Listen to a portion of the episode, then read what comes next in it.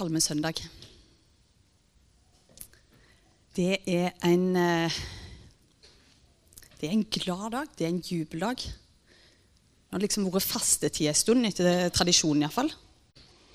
Vet ikke helt hva fastetradisjoner du eh, har eh, funnet ut av dette året. Det har jo vært litt mer sånn i vinden kanskje i seinere tid.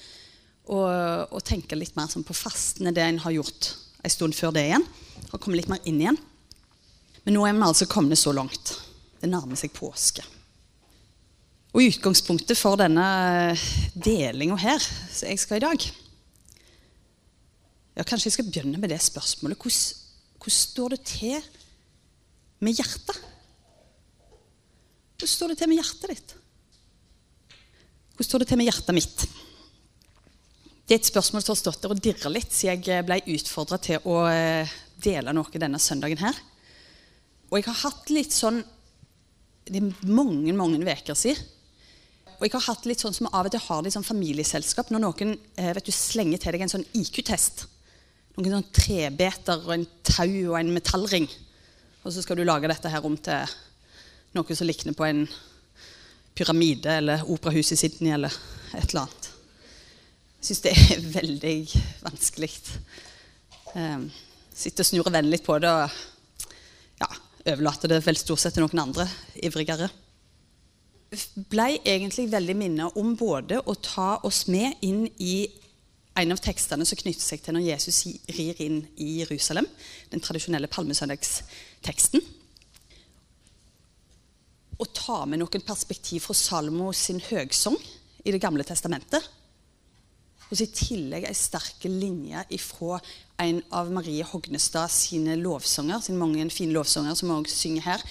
Gud, når vi hører din stemme, våkner hjertene til live. Sånn nydelige linjer som setter seg fast i meg, og så på en eller annen måte òg ble knytta opp til det jeg skulle dele denne søndagen her. Og så har jeg tenkt eh, og bedt over det, og, eh, og jeg ønsker å å ta en liten tur gjennom disse elementene, så får vi se litt hva, det, hva, hva slags uh, resultat blir. Det skal jo ikke akkurat være en IQ-test her da, når vi deler. Men, men, vi får, men, vi ser litt på det, for jeg tror nok at det har litt forskjellige fasong for hver av oss. Og Gud taler uh, ble jeg minnet om nå rett før møtet òg. Gud taler sterkt til oss og på forskjellige måter, for vi er på forskjellige plasser. Og Gud vil deg noe. Gud vil deg noe i dag. Så var det dette med hjertet, da. Hvordan det står til med hjertet. Kanskje litt sånn uhørt å spørre om det fra talerstolen. Eh, jeg vet ikke hva bakgrunn du har, men Hvis du har litt bakgrunn fra kristne miljø, og sånn, så kan det, sånn som meg, så kan det godt hende at du har fått høre noen ganger fra talerstolen at det er ikke følelsene det kommer an på. Og i alle fall Der jeg gikk da jeg var unge, så fikk jeg det så prenta inn at jeg, av og til trodde at liksom, følelsene måtte jeg bare holde helt ut forbi det som hadde med tro å gjøre. Og det er jo litt skremmende, da, for vi er jo så sammensatte, og følelsene spiller jo en stor rolle i livet vårt. Og Gud appellerer jo jammen meg til følelsene våre òg, da. Ja. Selv om det ikke er sånn at vi skal føle oss forelska i Gud hver dag for at hans frelsesverk heller. Sant? For en vil jo advare imot det òg. At vi alltid skal føle oss på topp og føle oss og liksom i dytten. Så tror jeg at eh, vi skal ta på alvor òg at eh, f.eks. en dag som palmesøndag skal vi høre om litt tar jo folk faktisk ut til gaten for å feire denne her spesielle personen som mange hadde fått et møte med, eller i alle fall hørt et rykte om allerede. Jesus som var på vei inn. Men jeg tror det er en spennende kobling mellom Salomos høgstong jeg skal komme tilbake til det, og palmesøndag og fram mot påsketida, som vi godt kan utforske litt nærmere. Og noe med følelsene, noe med hjertet vårt det som ofte Bibelen bruker jo enormt masse plass på å skrive om hjertet. Utrolig mange plasser akkurat det uttrykket dukker opp. Og da er det jo ikke bare at det er følelsene våre, det er selve sentrum i personligheten vår i kristen tenkning, det med hjertet. Så det er ikke noe sånn overfladisk og flyktige følelser vi snakker om bare, men det er noe dypt og noe forpliktende. Nei, vi skal kaste oss ut i det her. Jesus som rir inn i Jerusalem. Og dette her er faktisk en nøkkelfortelling på mange måter i, i evangeliene. Alle fire evangelistene har med ganske masse ifra akkurat det der inntoget i Jerusalem. Og gjort et kolossalt inntrykk, tenker jeg. Til og med den kortfatta Markus har med eh, flere av detaljene i denne fortellingen her. Og Johannes, evangelisten vi skal lese fra om et lite øyeblikk, han skriver ofte på en ganske annerledes måte, men han ligger i denne her eh, fortellingen ganske tett opp til de andre. Og vi skal bare tenke da at dette er en viktig tekst. Her har du mu en mulighet for å treffe og få et møte på nytt med Jesus. Selv om du gjerne har møtt denne teksten mange ganger og drevet på og arrangert uh, forskjellige opptrinn i ulike kristne sammenhenger med palmegreiner som en prøver å få til, og roping, og gjerne har sånn som jeg har vært med en plass der en drar inn en sånn modell av et esel òg. Og, og, liksom, der, der, kan ligge mange sånne ting i. Men, men se på denne teksten. Når vi leser fra Johannes 12, 12 og litt utover. Der står det sånn. Dagen etter fikk den store folkemengda som var kommet til høgtida, høre at Jesus var på vei inn i Jerusalem. Da tok de palmegreiner og gikk ut for å møte han, og de roper Hosianna! Velsigna er Han som kommer i Herrens navn, Israels konge. Jesus fant seg et ungt esel og satte seg på det. Som det står skrevet, vær ikke redd døtter Sion. Se, kongen din kommer, riende på en eselfole. Dette skjønner ikke læresveinene med det samme, men da Jesus var opphøyd i herligdom, husker de på at dette var skrevet om han, og at folket hadde helsa han på denne måten. Alle som hadde vært med han da han hadde ropa Lasarus ut av grava og vekt han opp for de døde, vitna om det de hadde sett. Derfor var det òg at folket drog ut for å møte han, for de hadde fått høre at han hadde gjort dette tegnet. Men fariserene sa seg imellom. Der ser det. Det nytter ikke. Hele været springer etter han. Sånn forteller Johannes om denne dagen. Hele været springer etter han. Litt sånn oppgitt er de da, som prøver å stoppe hele bevegelsen rundt Jesus og Jesus sjøl. Men det er ingen måte å holde tilbake den stemningen på palmesøndag så det er bare sånn det ligger noe i lufta. Det ligger noe i lufta. Det er en jubel, det er en bevegelse. Folk tar beina fatt. De vil se, de vil oppleve, de vil få tak i denne her spesielle personen. Denne rabbien som han etter hvert var blitt kjent for. Og var. Denne profeten. Og dette underet som han hadde gjort, som Johannes òg er inne på her, dette helt uhørte under at han hadde vekt opp vennen sin, som hadde ligget i grava flere dager. Kalt han ut for grava og gitt han liv. Ja, Lasarus var jo oppe og gikk igjen. da. Det visste jo alle rundt der. Og det, eh, det var noen som ingen som kunne nekte for, så det har bygd seg opp mot denne dagen her. Folk er på vei ut av husene sine, folk er på vei ut for å se, for å høre. Det er noe stort på gang. Og så er det dette her at, at, Jesus er den store. Og akkurat i den der folkemengden se, Dette er en tekst som er fin for sånn bibelmeditasjon, der en bare liksom dveler litt ved teksten og ser litt for seg ja, hvor kunne min plass ha vært i denne folkemengden, i denne trengselen. Her har du presset deg fram for å komme helt fram der. Er du av typen som hadde røska av deg kappen din for å få lagt den ut og helse på denne måten? her, Det er jo en voldsom hedersbevisning. Legge ut klærne for å skape en vei, en hyllingsvei for kongen? Er du blant de som hadde stått og ropt av dine lungers fulle kraft, eller er du liksom blant de som hadde stått litt i bakgrunnen og tenkt hm, Lurer på hvem han er. Er det noe så sikkert det der med Lasarus og Det er mange plasser i denne teksten her. Mange plasser men det er ikke tvil om at det er en utrolig sånn handlingsspekka tekst. Og det er derfor det er litt spennende å bli varende litt der. Jeg skal bare hente ut noen ting. Du må lese den sjøl og hente ut enda mer. Det er helt utømmelig. utømmelig. Eh, med Guds ord er levende og treffer oss på så mange forskjellige måter. Men jeg har tenkt litt, det har jeg, på dette her eh, f.eks. Dette med eselet. Det er et poeng som alle fire evangelistene gjør. Og de andre, eh, altså Matteus, Markus og Lukas, de gir enda mer detaljerte beskrivelser rundt dette. her. Læresvennene fikk beskjed om akkurat hvordan de skulle hente denne her eselfolen, når de skulle komme, og hva de skulle si. og Det er, gjøres et poeng ut av. Og Mange ganger før så har jeg på en måte hekta meg litt på den der at ah, det er jo helt sprøtt, egentlig. sant? En konge som kommer der og rir på et esel. At eselet på en måte var et litt sånn latterlig og absurd dyr. Jeg, kan jeg si, jeg har fått litt mer respekt for eselet etter jeg har forberedt meg på denne talen. her. Litt mer respekt, litt mer syn rett og slett for eselets rolle. For jeg har alltid tenkt sånn tidligere eh, på en måte at vi skal tenke litt sånn Jesus, hvorfor kom du ikke på en hest? Og at de òg tenkte det i sin tid. Hvorfor kom du ikke på en hest? Litt mer staselig, litt mer kongelig, litt mer handlekraftig. Men eselet er nevnt mange ganger i Bibelen. Helt faktisk for første Moseboka. mange plasser utover. Eselet er, eh, er mer enn et, sånn, et litt sånn latterlig dyr som er litt sånn sta og stopper opp midt i bakken og bare står der med et merkelig skrek. Rett og slett. Og det som har slått meg når jeg har sett litt nærmere på det, at eselet er jo først og fremst det er et fredsdyr.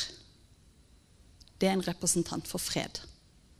For arbeid, for det å være nær jorda for det hverdagslige slitet, for det alminnelige.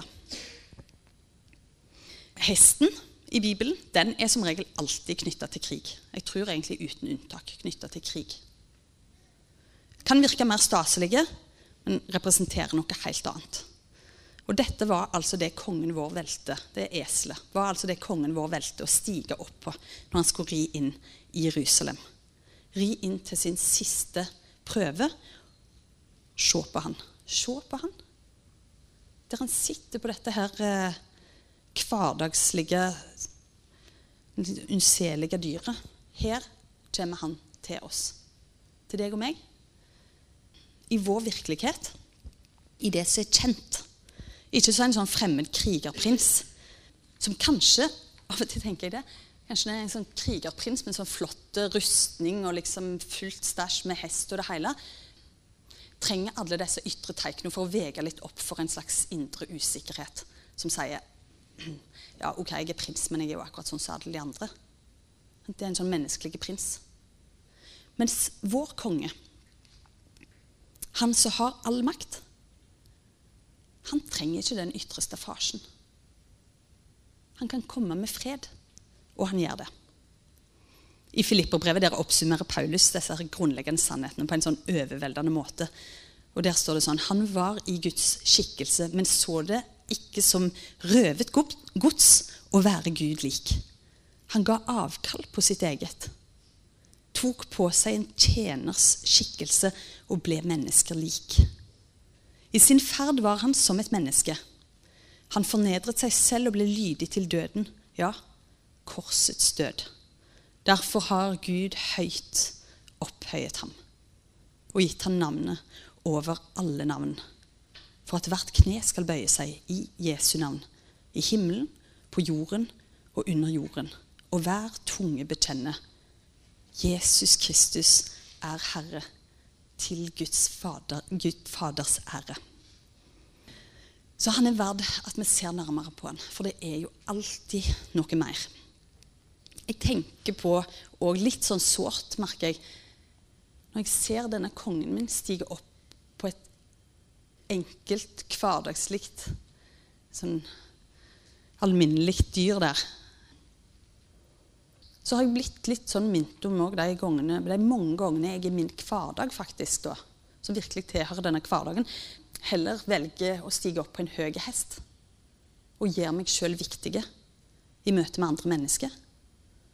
Og hvor mange ganger jeg fort har en mer krigerske holdning. Til og med når jeg kanskje møter på nødvendige korrektiv.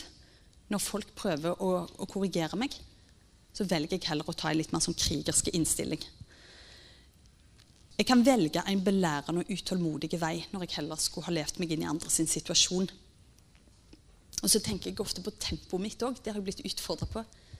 Eselet som den der Ja, det velger Jesus. Rir inn. Det var ikke et sånt det var ikke sånn sprangryttertempo over det i det hele tatt. Det er, det er, et steg der folk faktisk har tid til å møte han idet han eh, drar forbi dem. Mens jeg holder ofte et enormt tempo gjennom hverdagen. Og overser med det mange ting. Han er så annerledes enn meg. Han er så annerledes enn oss. Og nettopp derfor så jeg, når jeg bare får frigjort meg litt fra denne kretsinga rundt min egen utilstrekkelighet, og det er tida for det på palmesøndag, så kan jeg få løfte blikket og se jo nettopp det som er poenget. Jeg kommer til kort, og der har du en som jeg kan trygt knytte hele håpet vårt til. For han er så annerledes enn oss, og likevel så kommer han til oss. Det er noe av det store med palmesøndag. Jeg tenker litt òg på når alle disse her kommer i bevegelse ut der for å treffe denne kongen. Jeg minner meg litt om, jeg har bare vært på én skikkelig svær konsert i min tid. Det er mange mange år siden i London. Jeg visste nesten ikke hva jeg var med på, men jeg har lest etterpå at det var visst 150 000 på denne konserten i Hyde Park. Jeg burde sikkert ha vært litt mer sånn dedikert, men jeg vet iallfall at eh, Bob Dylan var der, og The Who og Eric Clapton og mange skikkelig sånn store stjerner var der. Eh, og litt tilfeldig så hadde jeg fått noen billetter til dette og var, var med der. Liksom, jeg visste ikke helt hvor det skulle være engang, men det var unødvendig. Til og med i London så ble jeg liksom bare dratt med av, av den der generelle stemningen. Der, eh, så jeg fant fram uten å være kjent, i lag med ei, ei venninne som heller ikke var kjent. Vi visste ikke så masse, men var der, og det var litt sånn stort etterpå å ha vært der. Ja. Og jeg tenker litt på alle disse her folka rundt Jerusalem og sånn, som tok ut der og kom der med palmegreiner. Og jeg er sikker på noen fikk planta ei palmegrein i neven. Kom an, liksom! Vær med! Det er noe stort på gang. Vær med og feir. Hiv deg med. Jeg tror ikke det var sånn at alle rundt der var så skriftlærde at de kjente til dette mektige profetordet i Zakaria 9, der Israel blir lova denne her ydmyke kongen som kommer riende akkurat sånn som Jesus gjorde det denne dagen akkurat sånn som det sto i disse gamle, mektige profetordene. Men likevel, det var ikke avhengig av de rundt. Profetordet gikk i oppfyllelse der og da. Han ble hylla som konge. Og egentlig, det de var vitne til, de som sto rundt der, om de var klar over det eller ikke, det er Guds ord som blir virkelighet gjennom Jesus. Det er Guds mektige løfter som liksom utfolder seg der, der de er. Alminnelige folk som står rundt. Og så var det et eller annet som ikke kunne stoppes av noen. De bare liksom bryter ut i jubel. Hosianna! Velsigne være Han som kommer i Herrens navn. Og Da tenker jeg på denne linja igjen. Gud, når vi hører din stemme, våkner hjertene til live. Det er så herlig. Få røske litt borti oss, få snakke til oss og vi får gi et svar. Og dette ropet deres, Hosianna, ja, det er jo ei nydelig bønn. Så enkelt kan det gjøres, du. Hvis du som jeg av og til strever litt med hva skal vi egentlig be for å be rett, ja, da er Hosianna et veldig godt forslag. For det betyr jo bare 'kom med hjelp'.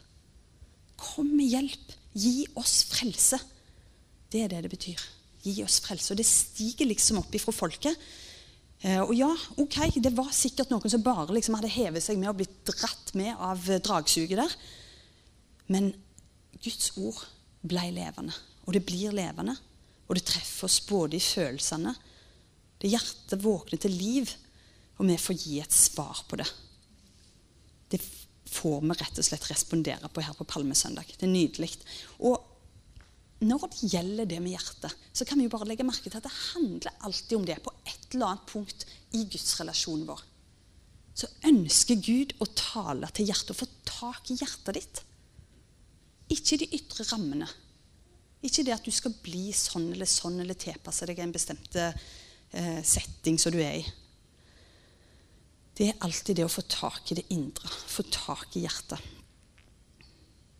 For det står enormt mye om hjertet i Bibelen, og følelsene har sin plass. Absolutt. Og det er her vi skal da ta denne her jeg, jeg, Noen som hører på denne påskelabyrinten kanskje, i påsken på radioen. Der er det jo alltid 'Hvor skal vi reise?' Ja, Nå reiser vi litt og forflytter oss litt i dette her bibelske landskapet. da. Fra denne palmesøndagen, første palmesøndagen og feiringa der, der det sitrer i lufta. Det er nesten en slags sånn forelska stemning. altså, Der de bare jubler ut og er glade og sikkert ganske varme i eh, hjertet og, og, gir uttrykk for følelsene. Og så tar vi da denne avstikkeren. Som jeg ble kasta på mer eller mindre når eh, jeg ble utfordra til å dele i dag. Høgsongen. Altså, jeg vet ikke når sist du var på en bibeltime som tok for seg høgsongen. Det er kanskje en stund siden for din del òg. Det er det for meg. Det er ikke så ofte at det er oppe som, som tema. Jeg nevner det gjerne litt i forbifarten. Ja, der er det en bok om masse kjærlighet og mange spennende sammenlikninger. Og, og så går en gjerne ikke sånn kjempemye mer inn på det. Men det er det korte budskapet. Okay, jeg har kort og en litt lengre ting jeg skal si her. Og det korte er ta fram denne boka her. Inneklemt imellom den litt sånn pessimistiske forkynnerens bok i Gamle Testamentet forkynnerens bok på ene sida. På andre sida denne her svære profeten eh, Jesaja. Der er det åtte kapitler. Åtte korte kapitler som bare dveler ved kjærlighet. Kan det bli bedre? Nydelig. Så det korte er altså ta dette fram og les. Dette er tekster som har blitt diskutert fram og tilbake, men først av alt så trenger vi, som med alle bibeltekster, egentlig, å komme til dem. Og møte Gud gjennom de ulike bøkene i Bibelen. Så det er det viktige. Men gjerne høgsongen i litt for stor grad har blitt en sånn greie. For ja, det er sånn eh, Nygift, OK? De kan sitte og fordype seg i eh, den der. Eh, for det er liksom sånn dine øyne som, eh, som duer og så videre. Så det er mange sånn flotte og heftige sammenlikninger. Og veldig sånn detaljerte skildringer av kjærlighetsforholdet mellom kong Salomo Eller kjærlighets, eh, jo, kjærlighetsforholdet mellom kong Salomo og hans utvalgte. da. Så det er et dypdykk i, i et veldig varmt kjærlighetsforhold. Så da kan en si at ja vel, det er for sånne, og, eller for nabolagets virkelige turtelduer, de som skikkelig får det til i ekteskapet og holder gløden oppe år ut og år inn. og bare liksom, jo, De kan sikkert lese det. Men for oss andre så blir det kanskje litt sånn Noen syns det er litt kleint. Eh, noen syns det bare blir litt for masse, enten en er jærbu eller ikke. Eh, og eh, andre syns liksom at ja, det må jo være andre ting som kanskje er litt mer sånn eh, andaktslikt hvis en først skal sitte med Bibelen. Og så det, kan det være mange grunner til å unngå hele Salomos høgsanger. Men for et feilgrep! Nå må du prioritere den opp på lista di. For, eh, for, for det som var litt spennende da, når jeg som sagt satt med denne herne Rubiks kube-aktige forberedelsen da, og skulle prøve å få dette her til å gå litt i hop, det er at jeg da fant ut at det er en veldig dyp sammenheng. I jødisk tradisjon for eksempel, så leser de alltid Salmos høgsang hver påske. Den er en integrert del av påskefeiringen. Og det har vært voldsomme diskusjoner om egentlig høgsangen høgsongen skulle ha en plass i både eh, jødene sine eller hellige skrifter og i den kristne kanon. Men konklusjonen har altså vært at den har sin plass. Noen har rettferdiggjort det med å si at men hele greia her er et bilde på Guds kjærlighet til oss mennesker. Det er liksom det dette skal være et symbol på. Så vi, vi trenger ikke tenke så mye på at det liksom er en menneskelig kjærlighetsforhold. Og det gjør det hele litt lettere, liksom. Og så kan vi bare tenke på det, det er Guds kjærlighet. Så får vi liksom fått det opp et nivå, da. Andre har sagt at det er litt sånn spesielt, for det er jo et veldig heftig kjærlighetsdikt. dette her. Så, så, hvordan kan det liksom ha sin plass? Og sannheten er jo begge deler, faktisk. Det er jo både en stor fortelling om Guds ufattelig altomfattende kjærlighet til oss, og hvor langt den går for å få tak i deg og meg. Og så er det òg en djup fortelling om truskap, om det å være den ene utkåra for hverandre. Om langsiktig forpliktelse og det som virkelig kjærligheten var meint til å være. Og det òg er stort. Så det er to fantastiske dimensjoner. Og jødene har jeg også lært meg når jeg fordyper meg litt i jødisk tradisjon her også, så kan jeg dele det. Eh, men det er jo litt spennende at det er flere jødiske rabbier som heller høgsongen hellig på lik linje med Toraen, altså lovbøkene, Mosebøkene, som jo er de aller helligste bøkene for jødene. Um, og det er det en rabbi som har forklart sånn. Det er mange bøker som forteller oss litt om Guds kjærlighet. Men det er bare ei bok som kun dveler ved den kjærligheten. Og det er høgsang. 'Song of Songs' heter den så poetisk på engelsk. Nydelig. Og noen har kalt den eh, The Holy of Holies. Den helligste av alle hellige tekster. Så det er spennende å, å tenke, og vi kan jo knytte det inn her. da, Pasjonstid kaller en jo ofte denne siste delen av påsketida. Pasjon har jo med lidenskap å gjøre. Så plutselig så følte jeg det var jo ikke så veldig fjernt allikevel med, med høgsongen å trekke den fram her. For det er noe, det er liksom en linje som går ifra den der varme velkomsten Jesus får når han rir inn i Jerusalem. Det er liksom et brus av følelser som ser ut til å ta hold eh, om hele folkemengden der. Og det er akkurat som en linje går ifra den der kolossale kjærligheten som eh, høgsongen er dedikert til. Og så er det jo litt da at eh, vi må se denne her eh, kjærlighetserklæringen som jo Jesus sitt ultimate offer i Jerusalem, litt lenger framme i veien der, eh, er når han gir livet sitt for oss. Bakteppet for det er denne her ville, denne jagende kjærligheten. Den kjærligheten som aldri slutter, men som bare har øye for den utkåra. Den som leiter deg opp, den som lover å bli varende. Den som ikke bare går når det kommer et nytt tilbud eller noe bedre. Den som hyller det vakre ved den andre. Som ikke er inn i forhold liksom, for å få noe ut av det sjøl. What's in it for me? Men som er opptatt av å sette ord på hva er vakkert ved den andre. Det er kjærlighetsforhold. Og, og det er klart, i, i Salmos høgsang så flyter det jo over av det er angende salver, og det er busker og duer og gaseller og ja, høydedrag. Og du må rett og slett bare lese. Og så første gang du leser, så så merker du sikkert at det tar jo helt av. Kanskje du, kanskje du leser en gang eller to, og så ler du og blir litt brydd av alle disse sammenlikningene. Men så leser du den noen ganger til, og så tror jeg at det er sånn at du leser og tenker dette her, dette er noe vi trenger i vår tid.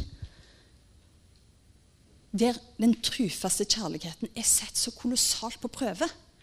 Der det ikke bare er russen med russeknuter som utfordrer Eh, når det gjelder synet på sex, synet på forholdet mellom to personer um, At det er liksom noe som kommer den ene dagen og går den andre dagen. Da var det et bedre tilbud eller en annen russeknute jeg skulle ta. Sant? Men det er ikke bare russen. Det er hele samfunnet. Ting har blitt midlertidig veldig ofte. Og i ei tid som denne, når truskap bare er liksom inntil videre, da trenger vi at høgsongen snakker til hjertet vårt. Snakker til hjertet vårt om den kjærligheten som gir seg fullstendig over. Som går litt over styr, men som er retta inn på den ene.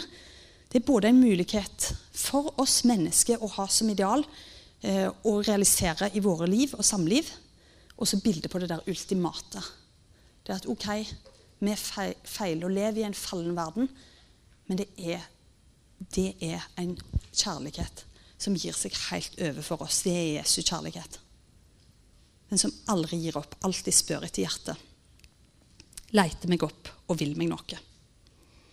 Når jeg, sånn som jeg ofte Hvis dere er litt sånn som meg òg, så, så, kjenner dere òg at det der med stress Alt i hverdagen som en skulle ha gjort,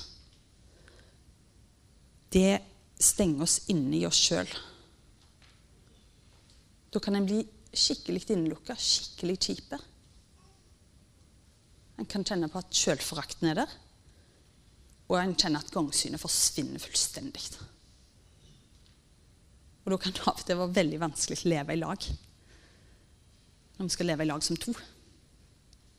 Og det kan være vanskelig nok i et vennskap. Men til og med da så opplever jeg at Jesus, han er den som fremdeles insisterer på å se meg inn i øynene og si meg noe viktig. Det er et ekko ifra høgsongen. Du er vakker. Du er min utkåra. Selv om du ikke føler deg som noen prinsesse, så er du, du er min utkåra. Du er så dyrebar for meg. Jeg gir alt for deg. Jeg gir opp livet for deg. Og da tenker jeg med det bakteppet der, så kan vi reise tilbake til Jerusalem. Og så kan vi etter å ha en sånn påminning om dette bakteppet, denne formidable kjærligheten som ligger bak det hele. Da kan vi òg tenke Um, at denne her inngangen til Jerusalem Folk står rundt og hyller. Og det virker nesten som Jesus akkurat denne dagen her bare Han vet jo hva som skal skje. Han vet jo hva som venter. Det er ikke bare en triumf, for det har en, det har en utrolig sånn beske undertone for Jesus her. For han vet at det er en tragisk, en fornedrende skjebne. Det som første omgang i hvert fall ser sånn ut. Så venter han der. Pint til døden av ei brutal okkupasjonsmakt og samtidig svikte av sine egne på verste vis. Det er det som venter denne kongen vår. Litt lenger ned i veien. Det er litt lenger fram, og det virker likevel det var det jeg skulle til å si, som om Jesus varmer seg på velkomsten han får. Han gleder seg over ropet 'Hosianna'. Frels oss. Han gleder seg over mennesker som løfter blikket til han, og som søker til han. Og så må det ha vært et litt sånn merkelig skue likevel for de som venta en litt mer mektige Messias. Kanskje de, kanskje de, gikk med på det. Kanskje de eh, tenkte litt over hva er dette for en konge. Eh, de var med på det, men en kan gjemme noen spørsmål under en sånn jubel òg. Hvem, hvem, er du egentlig? Eh, og jeg tenkte bare på Begynner å gå litt inn for landing. At det er noen spørsmål som kan gjemme seg av under denne her jubelen. Så vi som kanskje vil leve med Jesus og har tatt et valg om det, kan dele med folk som ikke, som ikke tror. For det er et sånn felles menneskelig spørsmål. Er, er, det ikke noe mer? Um, altså For ikke-troende kan det spørsmålet være sånn Er det ikke noe mer med dette livet her? her på jorda, liksom? Det er et sånt spørsmål en kan stille. Og, og for oss som tror og som ønsker å høre til Jesus, så kan vi av og til i hverdagen med han og tenke sånn Var det ikke noe mer? med denne trua vår, med dette livet vårt og denne vandringen vår med Jesus? Skulle det ikke liksom være litt mer sånn oversikt over livet mitt og himmelsk sus og litt mer, ja, kort sagt litt mer schwung over alt det som handler om trua? Og det korte svaret Det er egentlig veldig så forløsende å bare si det korte svaret der. For det er ja. Jo. Korte svaret er ja. Med Jesus er det alltid noe mer med livet i Guds rike så er det alltid noe mer, faktisk. Sånn er det. Det spørsmålet der, det har sitt svar. Det er noe mer. Med livet her, med livet i Guds rike, vandringa med Jesus og med Jesus sjøl som person. Vi kan aldri, aldri se oss ferdige på Han. Ja. Jeg tror eh, det er litt sånn at For det første i hverdagen vår så skal vi venne oss til å tenke at såkalt banal hverdag den òg gjemmer noe mer. En, en, irritasjon, en irriterende medpassasjer f.eks. kan være en måte å minne deg sjøl om ja, faktisk kan jeg bli en forbeder i stedet for en som bare irriterer meg over folk. Det åpner seg noe mer med en gang du får det perspektivet. Dette er et menneske skapt av Gud, ville av Han. Han trenger min omsorg og min forbønn. Vi kan eh, få mulighet til å se litt dypere på alt som omgir oss. Og sånn sett får Gud en mulighet til å omskape den virkeligheten vi er en del av. Så budet er se litt dypere. For da, når vi ser litt dypere på han òg I dette scenarioet som vi ser for oss, palmesøndag vet ikke helt hvordan det ser ut når du ser det for ditt indre øye, men du har helt sikkert et bilde av det. Stopp litt opp der og se litt dypere på det. Se han. Den gamle påskesalmen til Kingo kaller han for 'livets himmelhelt'. For et treffende uttrykk. Jeg skal ha en sånn eh,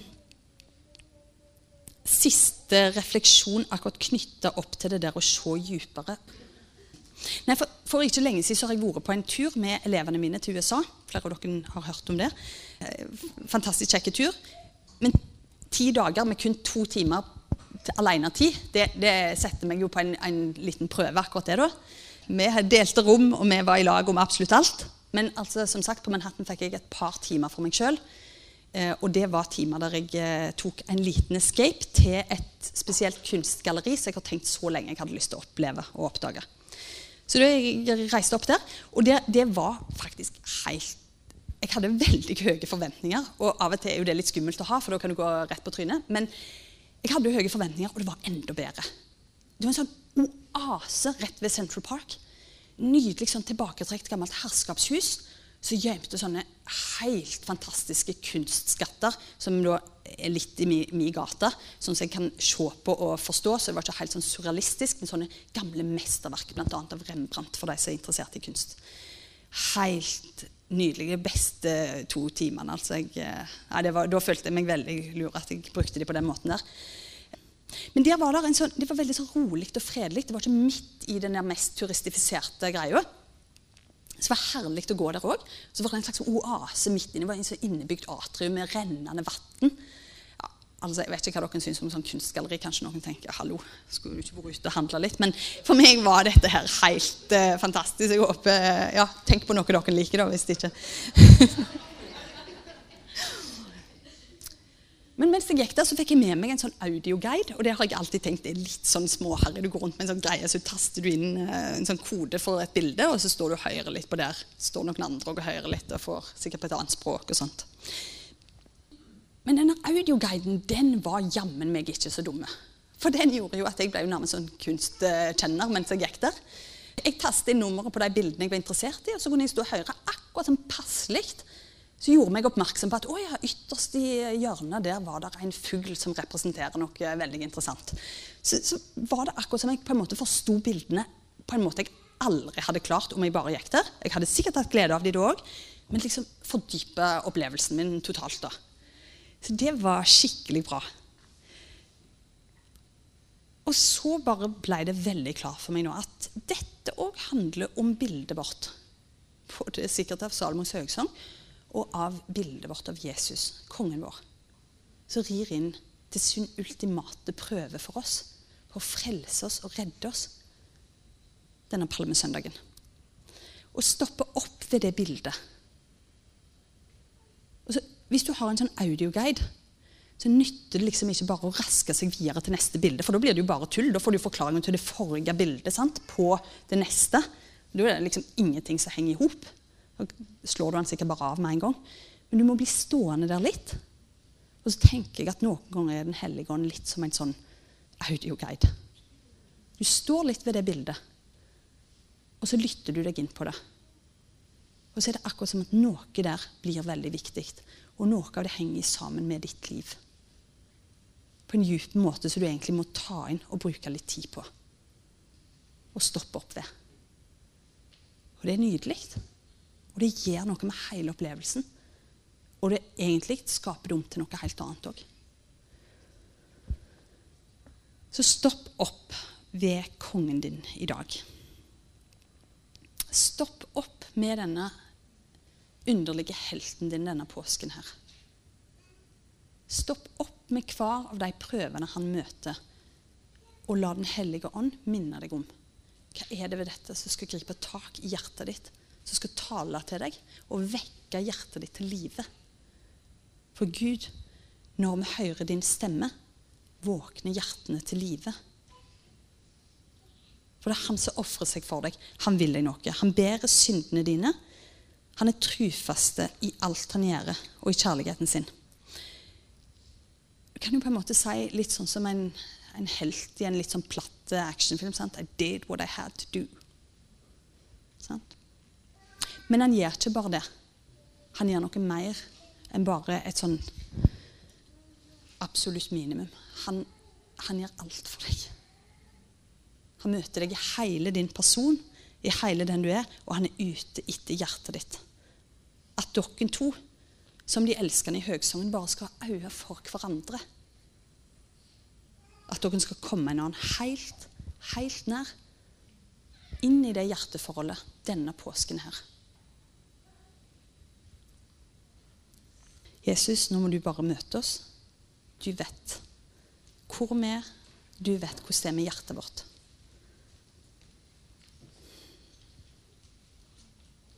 Velsign og vær med oss, du. Du som kan, du som vil, du som elsker oss.